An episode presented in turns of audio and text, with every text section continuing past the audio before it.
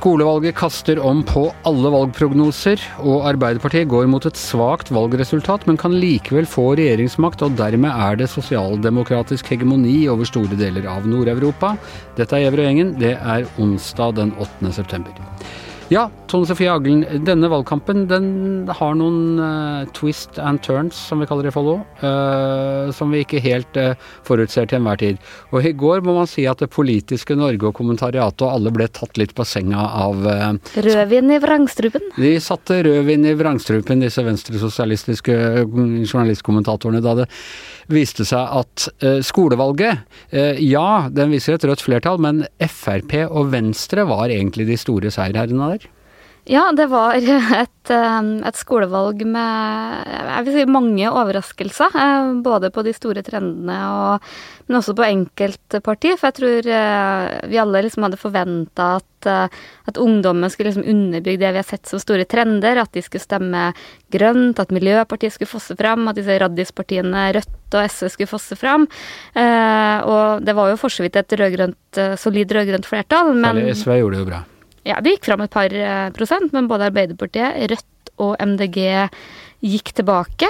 Og og det var faktisk de borgerlige som gikk eh, mest frem, og det tror jeg ingen hadde forutsett. Men så var det litt et sånt resultat som Yngve Kvistad sa det ganske godt på morgenmøtet vårt i morges. Det er litt som når avisene legger fram opplagstallene og du får inntrykk av at alle har vunnet. Ja, det var liksom litt sånn parodisk, for absolutt alle prøvde å få det her til å fremstå som at det var deres ungdommer som var de virkelige vinnerne av skolevalget. Jeg tror Arbeiderpartiet slo til med at det var liksom det fjerde valget på rad, at de var størst, og det var liksom mye viktigere enn at de var gått tilbake tilbake. og Alle hadde liksom sin eh, originale twist på det her. Kanskje med unntak av KrF. Jeg så ikke at de prøvde å ta æren, men det tror jeg var de eneste, faktisk. For de sitter veldig stille i båten nå. men, eh, men, eh, men, altså et, et, Ikke sosialistisk, men altså et, rødt flertall, da, når man legger til Senterpartiet, så hvis dette er den på en måte blir i det store og hele resultatet, så blir det regjeringsskifte også med skolevalgene til grunn. Absolutt, og det, det, var jo et solid rød-grønt flertall som sådan, men det var, det var en del sånn overraskende trekk. Liksom, det første er kanskje jeg trodde at Rødt og skulle gjøre det enda sterkere. For eh, vi har jo sett at de har gjort det veldig bra hos mange unge, mange studenter, og at det liksom har vært en trend. Og ikke minst så trodde veldig mange av oss at, at MDG skulle storme fram. For det er også sånn vi vet at unge er mer opptatt av klima enn eldre. Det har vært den saken som har dominert. og jeg tror nok også vi i media kanskje skal ta litt skyld. At vi er litt sånn glad i å skape sånn bilde av uh, skolestreikende veganungdommer som har klimaangst, og at det vil liksom skape litt det bildet, da. At det, det er nok ganske mye mer sammensatt enn som så. Så det at MDG faktisk gikk tilbake, det var det som overraska meg mest. Samtidig, eh, jeg liker godt å minne på folk på når de har tatt feil, men kan også minne på av og til når de har hatt eh, rett. Og, og, du, ja, du, sa jo her for en uke eller to siden at du kanskje trodde at mye av den der radisbølgen ville eh, kongregere seg i SV mer enn i Rødt og ja, MDG. Ja. Ja, hadde du glemt at du sa det? Nei da. Eh, og så har jeg også sagt det som jeg har fått litt tyn av deg for, at jeg tror den klimabølgen er litt medieskapt. Det, men det mener jeg selvfølgelig ikke at klima ikke er kjempeviktig og alt det der. Men jeg tror nok det at, at vi i mediene så til de grader rydda alle aviser, alle debattflater for klima etter den FN-rapporten, gjorde at vi fikk kanskje et sånn inntrykk av at klimasaken var viktigere for en del enn den kanskje er, da. For jeg tror folk er litt sånn at det er de nære ting som er viktig. Kan se et lite karbonavtrykk etter klimarapporten på, på meningsmålingene fremdeles, det? Ja, ja, ja. Det er ikke det, men det er liksom noe med dimensjonen av det. Ja. Eh, og jeg tror klima er en sånn som nesten alle, i hvert fall veldig mange, hvis du spør dem eh, om det er viktig, så vil vi si at det er kjempeviktig, men det er et eller annet med litt sånn nærhet til tid og rom, og det er litt sånn når du spør eh, lesere av aviser hva, hva er du opptatt av, hva vil du lese mer av, da sier de alle som en vi vil lese leder, og vi vil lese om utenriks og sånne ting, og det er vel lite i våre lesertall som tyder på at uh, i hvert fall at de flokker seg om det sånn umiddelbart, da. Så er det jo litt altså, som du sier med tid. altså Klimaet var veldig i august, og nå er vi i september. ja, det var august en store sak. Nei, det er jo en stor sak, men, men det som også er uh, veldig interessant å se, syns jeg, er jo at uh, Venstre og Frp er de to enkeltpartiene som går mest fram. Venstre kan du man jo kan på mange kanskje lese en klimaeffekt der? Altså, Absolutt. eh, Fremskrittspartiet, de som har vært tydeligst Ja. på at nei, nei, hver dråpe skal opp. Og Venstre, som er på høyresiden, de eh, som har vært mest opptatt av klima. Ja, men jeg tror nok ikke at det er bare det. Jeg tror nok uh, rus, eh, politikk, legalisering, en del av det liberale, tror jeg kanskje har en del eh, vind i, i seilene eh, der. med små og mellomstore bedrifter, er det Litt mer usikker, men uh, når jeg snakka med skoleelever rundt omkring, så virka de mye mer opptatt av sånn arbeidsliv og den type ting enn det vi kanskje tror, da. Uh, mens Frp tror jeg nok helt åpenbart har en effekt av å skille seg ut eh, og være litt annerledes. Og så tror jeg nok også at uh, oljeskatt og sånne ting har, har slått liksom positivt ut for dem uh, de siste ukene. Litt usikker på om akkurat skolevalget, men det er jo to partier som vi virkelig ikke har trodd at liksom har uh, ungdommen for seg, da. Det Men om det kom brått på oss, så kom det enda bråere på våre kolleger i NRK, eh, som hadde en eh, reportasje i går om skolevalgresultatet. Eh, de var liksom de første som skulle offentliggjøre det, og det var litt brask og bram rundt det. Og i dag har de rett og slett måttet gå ut og beklage særlig grafikken de presenterte dette med. Ja, og de, for de presenterte det jo med at uh, de rød-grønn rød-grønn valgvinn, eh, eller noe sånt. Og det, liksom, det er jo riktig at uh, det er jo solid rød-grønt flertall, men det var jo tilbakegang samla sett, så det ble jo veldig unyansert. Og jeg syns jo litt synd i Lars Nehru Sand, kommentator, som er en særdeles solid eh, Som liksom ble stående som sånn eh, forgrunnsfigur på den eh, ikke helt passende grafikken. For alle sprer nå en sånn Ja. skjermdump av han med den grafikken på. Jeg var da, jeg så det ikke da, men jeg har vært inne og sett etterpå. Alt han sier er helt korrekt. Absolutt. Så, Ja. så, men, så det var bare det var liksom selve både vinklingen og den grafikken som gjorde Og det det Og det kan jo sies at, at det har hendt at vi i VG og VGTV har hatt vel spisse innganger som vi må stå og forklare om. Ja, kanskje et parti ikke akkurat fosser fram, selv om vi skriver det, men er innafor feilmargin. Og, men, men det som er litt synd, da, at det går litt sånn inn i et sånn bilde av, uh, av det vi i mediene har, av hva som kommer til å skje og sånn. Og jeg syns at skolevalget var litt interessant, for det knu, knuser litt sånn de mytene og de forestillingene vi hadde. Og jeg tror nok at ungdom er mye mindre sånn ensarta gruppe enn vi kanskje ser for oss. Men så har jeg også gått inn og sett på eh, enkeltskoler både i Oslo, i andre deler av landet, og det er jo enormt store forskjeller. Og det er jo et sted hvor også enkeltdebattanter kan liksom få salen i sin hule hånd og bety ganske mye, da. Ja, og hvor du har forskjeller bare også innenfor de enkelte kommunene, Absolutt. rett og slett. Ja. Så liksom å si at liksom det her er valgtendensen, det vil ikke jeg si, men det var nok en ja, jeg vil kanskje si en aldri liten nesestyver til noen av oss som kanskje har hatt veldig mye litt sånne der, eh, fordommer og forestillinger om hvordan det her kom til å bli på forhånd. Og vil jeg si en morsom utvikling i en valgkamp som kanskje ikke har hatt de helt store sakene, hvis du ser bort fra sånn uh, type klima og sånne ting, så har det liksom ikke vært de store politiske sakene, men allikevel så fortsetter den å være ganske spennende. Absolutt, og det er jeg ganske spent på nå. Jeg har sett noen eh, lokale målinger i dag, fra, både fra Vestfold og Møre og Romsdal, og jeg er veldig usikker på om, om Høyre nå virkelig er i trøbbel og, og sliter og vil slite med å med å komme i havn eh, som de hadde håpa på med sitt, sitt hovedbudskap, nemlig Erna Solberg som statsminister, og at de virkelig er litt ille ute, og at eh, dette er Frp som tar mange av Høyre sine stemmer. Det tror jeg få hadde trodd for ja, det er nesten bare en måned siden. Kanskje Ja. Eh, per Olav Ødegaard, du ville si noe? Jeg har bare tenkt at kanskje viser disse skolevalgene at de unge ikke er så veldig annerledes enn eldre velgere. Altså, Gamlis-ungdommen? ja, altså, det, det, det, bortsett fra det at, som er påpekt, at Venstre og Frp gjør det bedre enn forventet, og Venstre gjør det veldig godt. og Det kunne gi dem håp for fremtiden. Det er et parti som balanserer på på sperregrensen, men uh, skulle man dømme etter skolevalget, så har de en lys fremtid. Det er ikke sikkert de får beholde de. Men bortsett fra det, så syns jeg man ser veldig mye av de samme tendensene som vi blant velgere ellers, og at også en god del av de regionale motsetningene er til stede også blant de unge. Når uh, Frp gjør det spesielt godt i visse deler av landet, og ganske svakt i andre deler av landet. Og dette med by og land, det er åpenbart en motsetning også blant unge velgere, da, slik det er blant eldre. Men Tone Sofie hadde jo også en et interessant uh, observasjon på morgenmøtet i dag om hvordan det virker som det er altså nettopp det der å forene by og land. Uh, den gamle liksom politiske devisen om at liksom bygge bro over, så kunne du nå fram til flere velgergrupper samtidig. Det er vanskelig for tiden. Altså Senterpartiet mislykkes i sin sånn forsøk på å innta deler av Oslo. Høyre sliter når de skal hjelpe Venstre litt og solgte den oljeskatten som en mm. slags sånn miljøtiltak. så Altså, eh, det politiske landskapet og velgerne er mer fragmentert og mer sånn spesialiserte hva de, hva de går for? Ja, jeg tror nok fragmentering er nok en ganske god sånn overskrift på på det valget her og litt den tida vi er i, da. Og jeg tror jeg tror vi har sett parti etter parti liksom forskrevet seg litt. Vi så det først med Arbeiderpartiet, som tapte som det sang til Senterpartiet. Og så har de liksom eh, prøvd stein på stein og gjenoppbygge sin troverdighet i distriktene. Har fått liksom tilbake Nord-Norge, og ah, endelig puster de mm. letta utover. Har liksom tetta lekkasjen til Senterpartiet, og så vips snur det seg, og så ryker det ut i de store byene til SV og til Rødt og til MDG.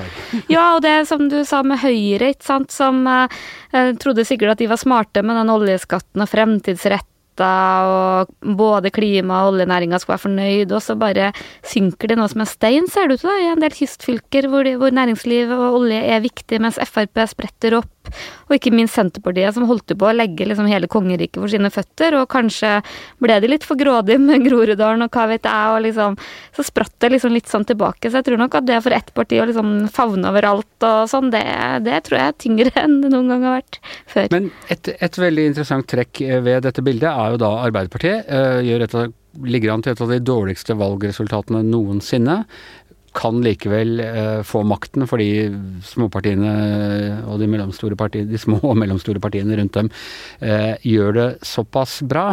Og dette påpekte du på morgenmøtet i dag, eh, Per Olav. Hvis de gjør det, så har, eh, så har eh, sosialdemokratene makten i alle de nordiske land, er det sånn? Ikke riktig ennå. Nå skal de jo da først vinne dette valget i Norge. Ja. Eh, og så må de Ja, jeg sa jo hvis de gjør ja, det. Ja. Og, og, så må de da mm, Så skal det være et valg på Island eh, senere i september. Um, og da kan jo sosialdemokratene komme i regjering. De er ikke det i dag.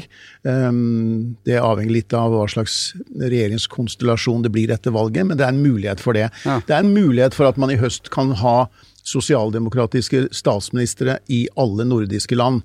Og um, også i Tyskland. Ja. Eh, det er jo den kanskje mest, tanker, den kanskje mest pangermansk Kanskje mest oppsiktsvekkende utviklingen av alle. altså SPD, det gamle tyske sosialdemokratiske parti. Landets eldste parti, det lå jo med brukket rygg eh, bare tidligere i sommer, egentlig, og hadde en oppslutning på ja, 15% eller noe sånt nå. Nå har de en oppslutning på omtrent 25% og er landets største parti. Det er litt sånn eh, norsk uh... og er, Ja, og er i ferd med å ha så passert da Kristeligdemokratene, som ligger på bare litt over 20% Så det ligger til rette akkurat slik det nå ser ut. Så vil Olaf Scholz, Scholz som da er deres kanslerkandidat, uh, få mulighet til å danne regjering etter valget som er senere i september. Fra før så har jo sosialdemokratene regjeringen i, eller, eller, i hvert fall statsministeren i Finland, Sanna Marin, og i Danmark med Mette Fredriksen, og i Sverige med Stefan Löfven. Ja. Og ingen av stedene sitter i sånn Det er ikke Gerhardsen og Tage Lander og Anke Jørgensen? I hvert fall ikke i Sverige. I hvert fall ikke i Sverige, nei. Og dette er jo forskjellen fra tidligere tider når sosialdemokratene var uh, nesten et flertallsparti og kunne danne regjering alene. Eller nå, nå, er det jo store, brede regjeringskoalisjoner. Den mest suksessrike av dem, hvis man skal se sånn rent i oppslutning, er vel Mette Fredriksen i Danmark. For der har de jo uh, nær 30 oppslutning i målingene. De vant valget sist. Ingen av de andre partiene har alle de andre partiene har under halvparten av den oppslutningen. Og, og det er bra nå i våre dager men det var ikke bra for bare 20 år siden? Nei, det, det, det er sant. Eh, og, eh, men det de, må, de, det de, må, i alle disse landene, er jo å bygge ganske krevende koalisjoner. Da. Det, for, det viser noe av det dere snakket om her tidligere når det gjelder norsk politikk. Sånn som i Tyskland så må de jo det er ikke bare, Tidligere så var det sånn at enten Kristeligdemokratene eller Sosialdemokratene de kunne få med ett annet parti, og så kunne de danne regjering. Og Der skal det være flertallsregjeringer. Det har alltid vært det etter 1949. Og um, nå må de i hvert fall ha med to partier for å få et flertall. og Da må de antagelig samarbeide med De grønne. og kanskje disse fridemokratene. Men det er sånn liberalistisk parti som vil ha lave skatter og, og, og, og gode betingelser for næringslivet, og, og, ikke så mye statlig regulering. Mens De grønne og sosialdemokratene står jo nettopp for det. Så det blir vanskelig. Og men, sånn er det i de andre landene også. Men er dette fordi eh, nå er Sosialdemokratene de er fortsatt store partier i eh, partiflora hvor det blir flere partier, det er mer splitta opp. Eh, så at de på en måte Eh, demografisk sett så havner de da lettere i en regjeringsposisjon, men de er egentlig på full nedtur over, overalt? Eller er sosialdemokratiet som eh, statsform og idé på vei tilbake? Hva tror du først, Trond Sofie? Det var litt av et enkelt Drøft denne påstanden. Nei, stabilisert seg på et nytt og lavere nivå, da. Og kan kanskje være min forløpige, mitt foreløpige svar. Ja, jeg tror du... mellom 20% er mer riktig enn at det blir over 30 med i umiddelbar framtid. Ja, så jeg synes Det mest interessante med det er at den uh, spådommen om sosialdemokratiets død i hvert fall er betydelig overdrevet. Det var jo det, man, det var en stor diskusjon for et par år siden, uh, og at det gikk så voldsomt tilbake alle steder. Og I noen land ble det jo helt uh, sto det jo igjen uten nesten oppslutning, sånn som i Frankrike f.eks. Altså, I Frankrike så Sosialistpartiet under forrige president Francois Hollande hadde liksom flertallet i nasjonalforsamlingen og sånn, valgte han som president. Nå er de nesten utradert. Og Sånn har det jo skjedd i en del land. Men de har evnet å komme seg tilbake i andre, og i hvert fall komme i en posisjon hvor de blir det største partiet i, i flere land, og er, får muligheten til å danne regjering. Men de, det er krevende koalisjonsforhandlinger uh, i alle disse landene. Det er store, brede koalisjoner. De kommer ikke i den posisjonen lenger at de kan styre uh, på egen hånd, eller uh, Det er vanskelig å se for seg at de skal komme dit på nytt, da. De er som papiravisene. De er der fortsatt, men det er ikke akkurat som i gamle dager. Nei, men samtidig så de, de, de, prøver jo å reorientere seg, alle disse partiene. Du ser det jo sånn som i Danmark. da, Det som har vært suksessoppskriften i, for Fredriksen og sosialdemokratene der, er jo dette at de har ført en veldig stram innvandringspolitikk, og så har de ført en veldig aktiv sosialpolitikk. Og så har de også vært opptatt av grønn politikk. Det er de tre tingene der som har, lyk som har lykkes der. I andre land så har det vært dette å satse veldig på arbeid, sosial eh, ja, velferdsstaten. Men det grønne elementet er i grunnen med hos dem alle. Viktig, de prøver å spille en viktig rolle når det gjelder eh, det grønne skiftet, da. Hva tror du om det i Norge, Tone Sofie? Altså hvis eh, Arbeiderpartiet hadde gått litt mer, vært litt sånn tøffere i klypa i innvandringen og og sånn. Altså, Jens Stoltenberg var jo ganske tydelig der, og så har, har særlig Fremskrittspartiet og sånn klart å skape litt usikkerhet om hvor Arbeiderpartiet egentlig står. Jeg tror nok at de i dette valget i hvert fall blir berga av at det ikke er et tema. For det har vi jo sett ved tidligere valg at, at Jonas sliter i hvert fall med å forene de to fløyene i partiet sitt Eh, den eh, innvandringsliberale som vil ha mange flere flyktninger og asylsøkere, og, og mm, den mer strenge, da, som jeg opplever kanskje er den der hovedlinja i eh, Arbeiderpartiet. Så det har han liksom unngått å få trøbbel med. Men det, hvis han blir statsminister, og mye tyder jo på det, så er jo det åpenbart en sak han vil få i fanget, ikke minst med de samarbeidspartiene han ser ut til å få. Ja, Uh, og du nevnte jo også her tidligere at Demokratene og de liksom litt i høyre for Frp gjorde det ganske bra. Nå ser Frp ut til å gjøre det litt bedre, bl.a. i skolevalget. Har de henta hjem igjen de stemmene? Veldig vanskelig å måle, for de her småpartiene de går litt sånn under radaren. Og det partiet som vi sliter mest med å måle på, på alle meningsmålinger, er jo Frp-velgere. De er jo kronisk underrepresentert i når man ringer rundt eh, av mange grunner, og enda verre er det å finne f.eks. Demokratene. Så det vet vi ikke, men eh, jeg vil i hvert fall tro at sånn det her industripartiet og sånn, som har tatt litt sånn oljearbeidere og sånn, dem har nok Frp kanskje klart å, å hjemhente litt, da. Men det er jo ikke de store hordene, det, da. Nei. Og det er eh, ennå noen eh, dager igjen, og vi skal oppsummere mer eh, før den tid. I morgen så er vi altså på bakgården på Grünerløkka igjen. Og da har vi med oss to gjester. Anne Holt, tidligere justisminister for Arbeiderpartiet, forfatter, og som i løpet av høsten meldte overgang til De Grønne.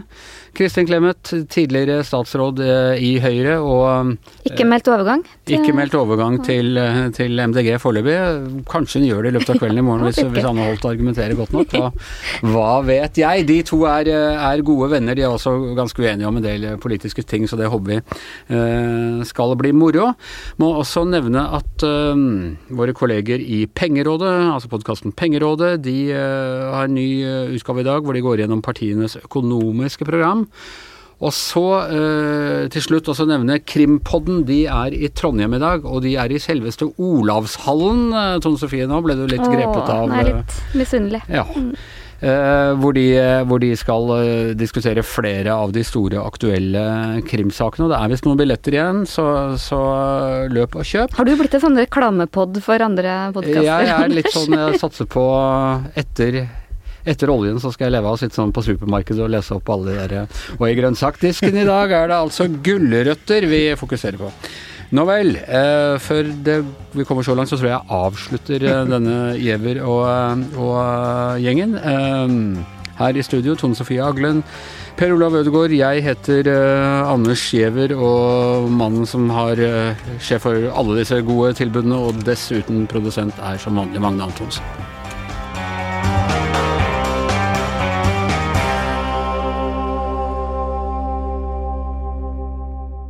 Du har hørt en podkast fra VG.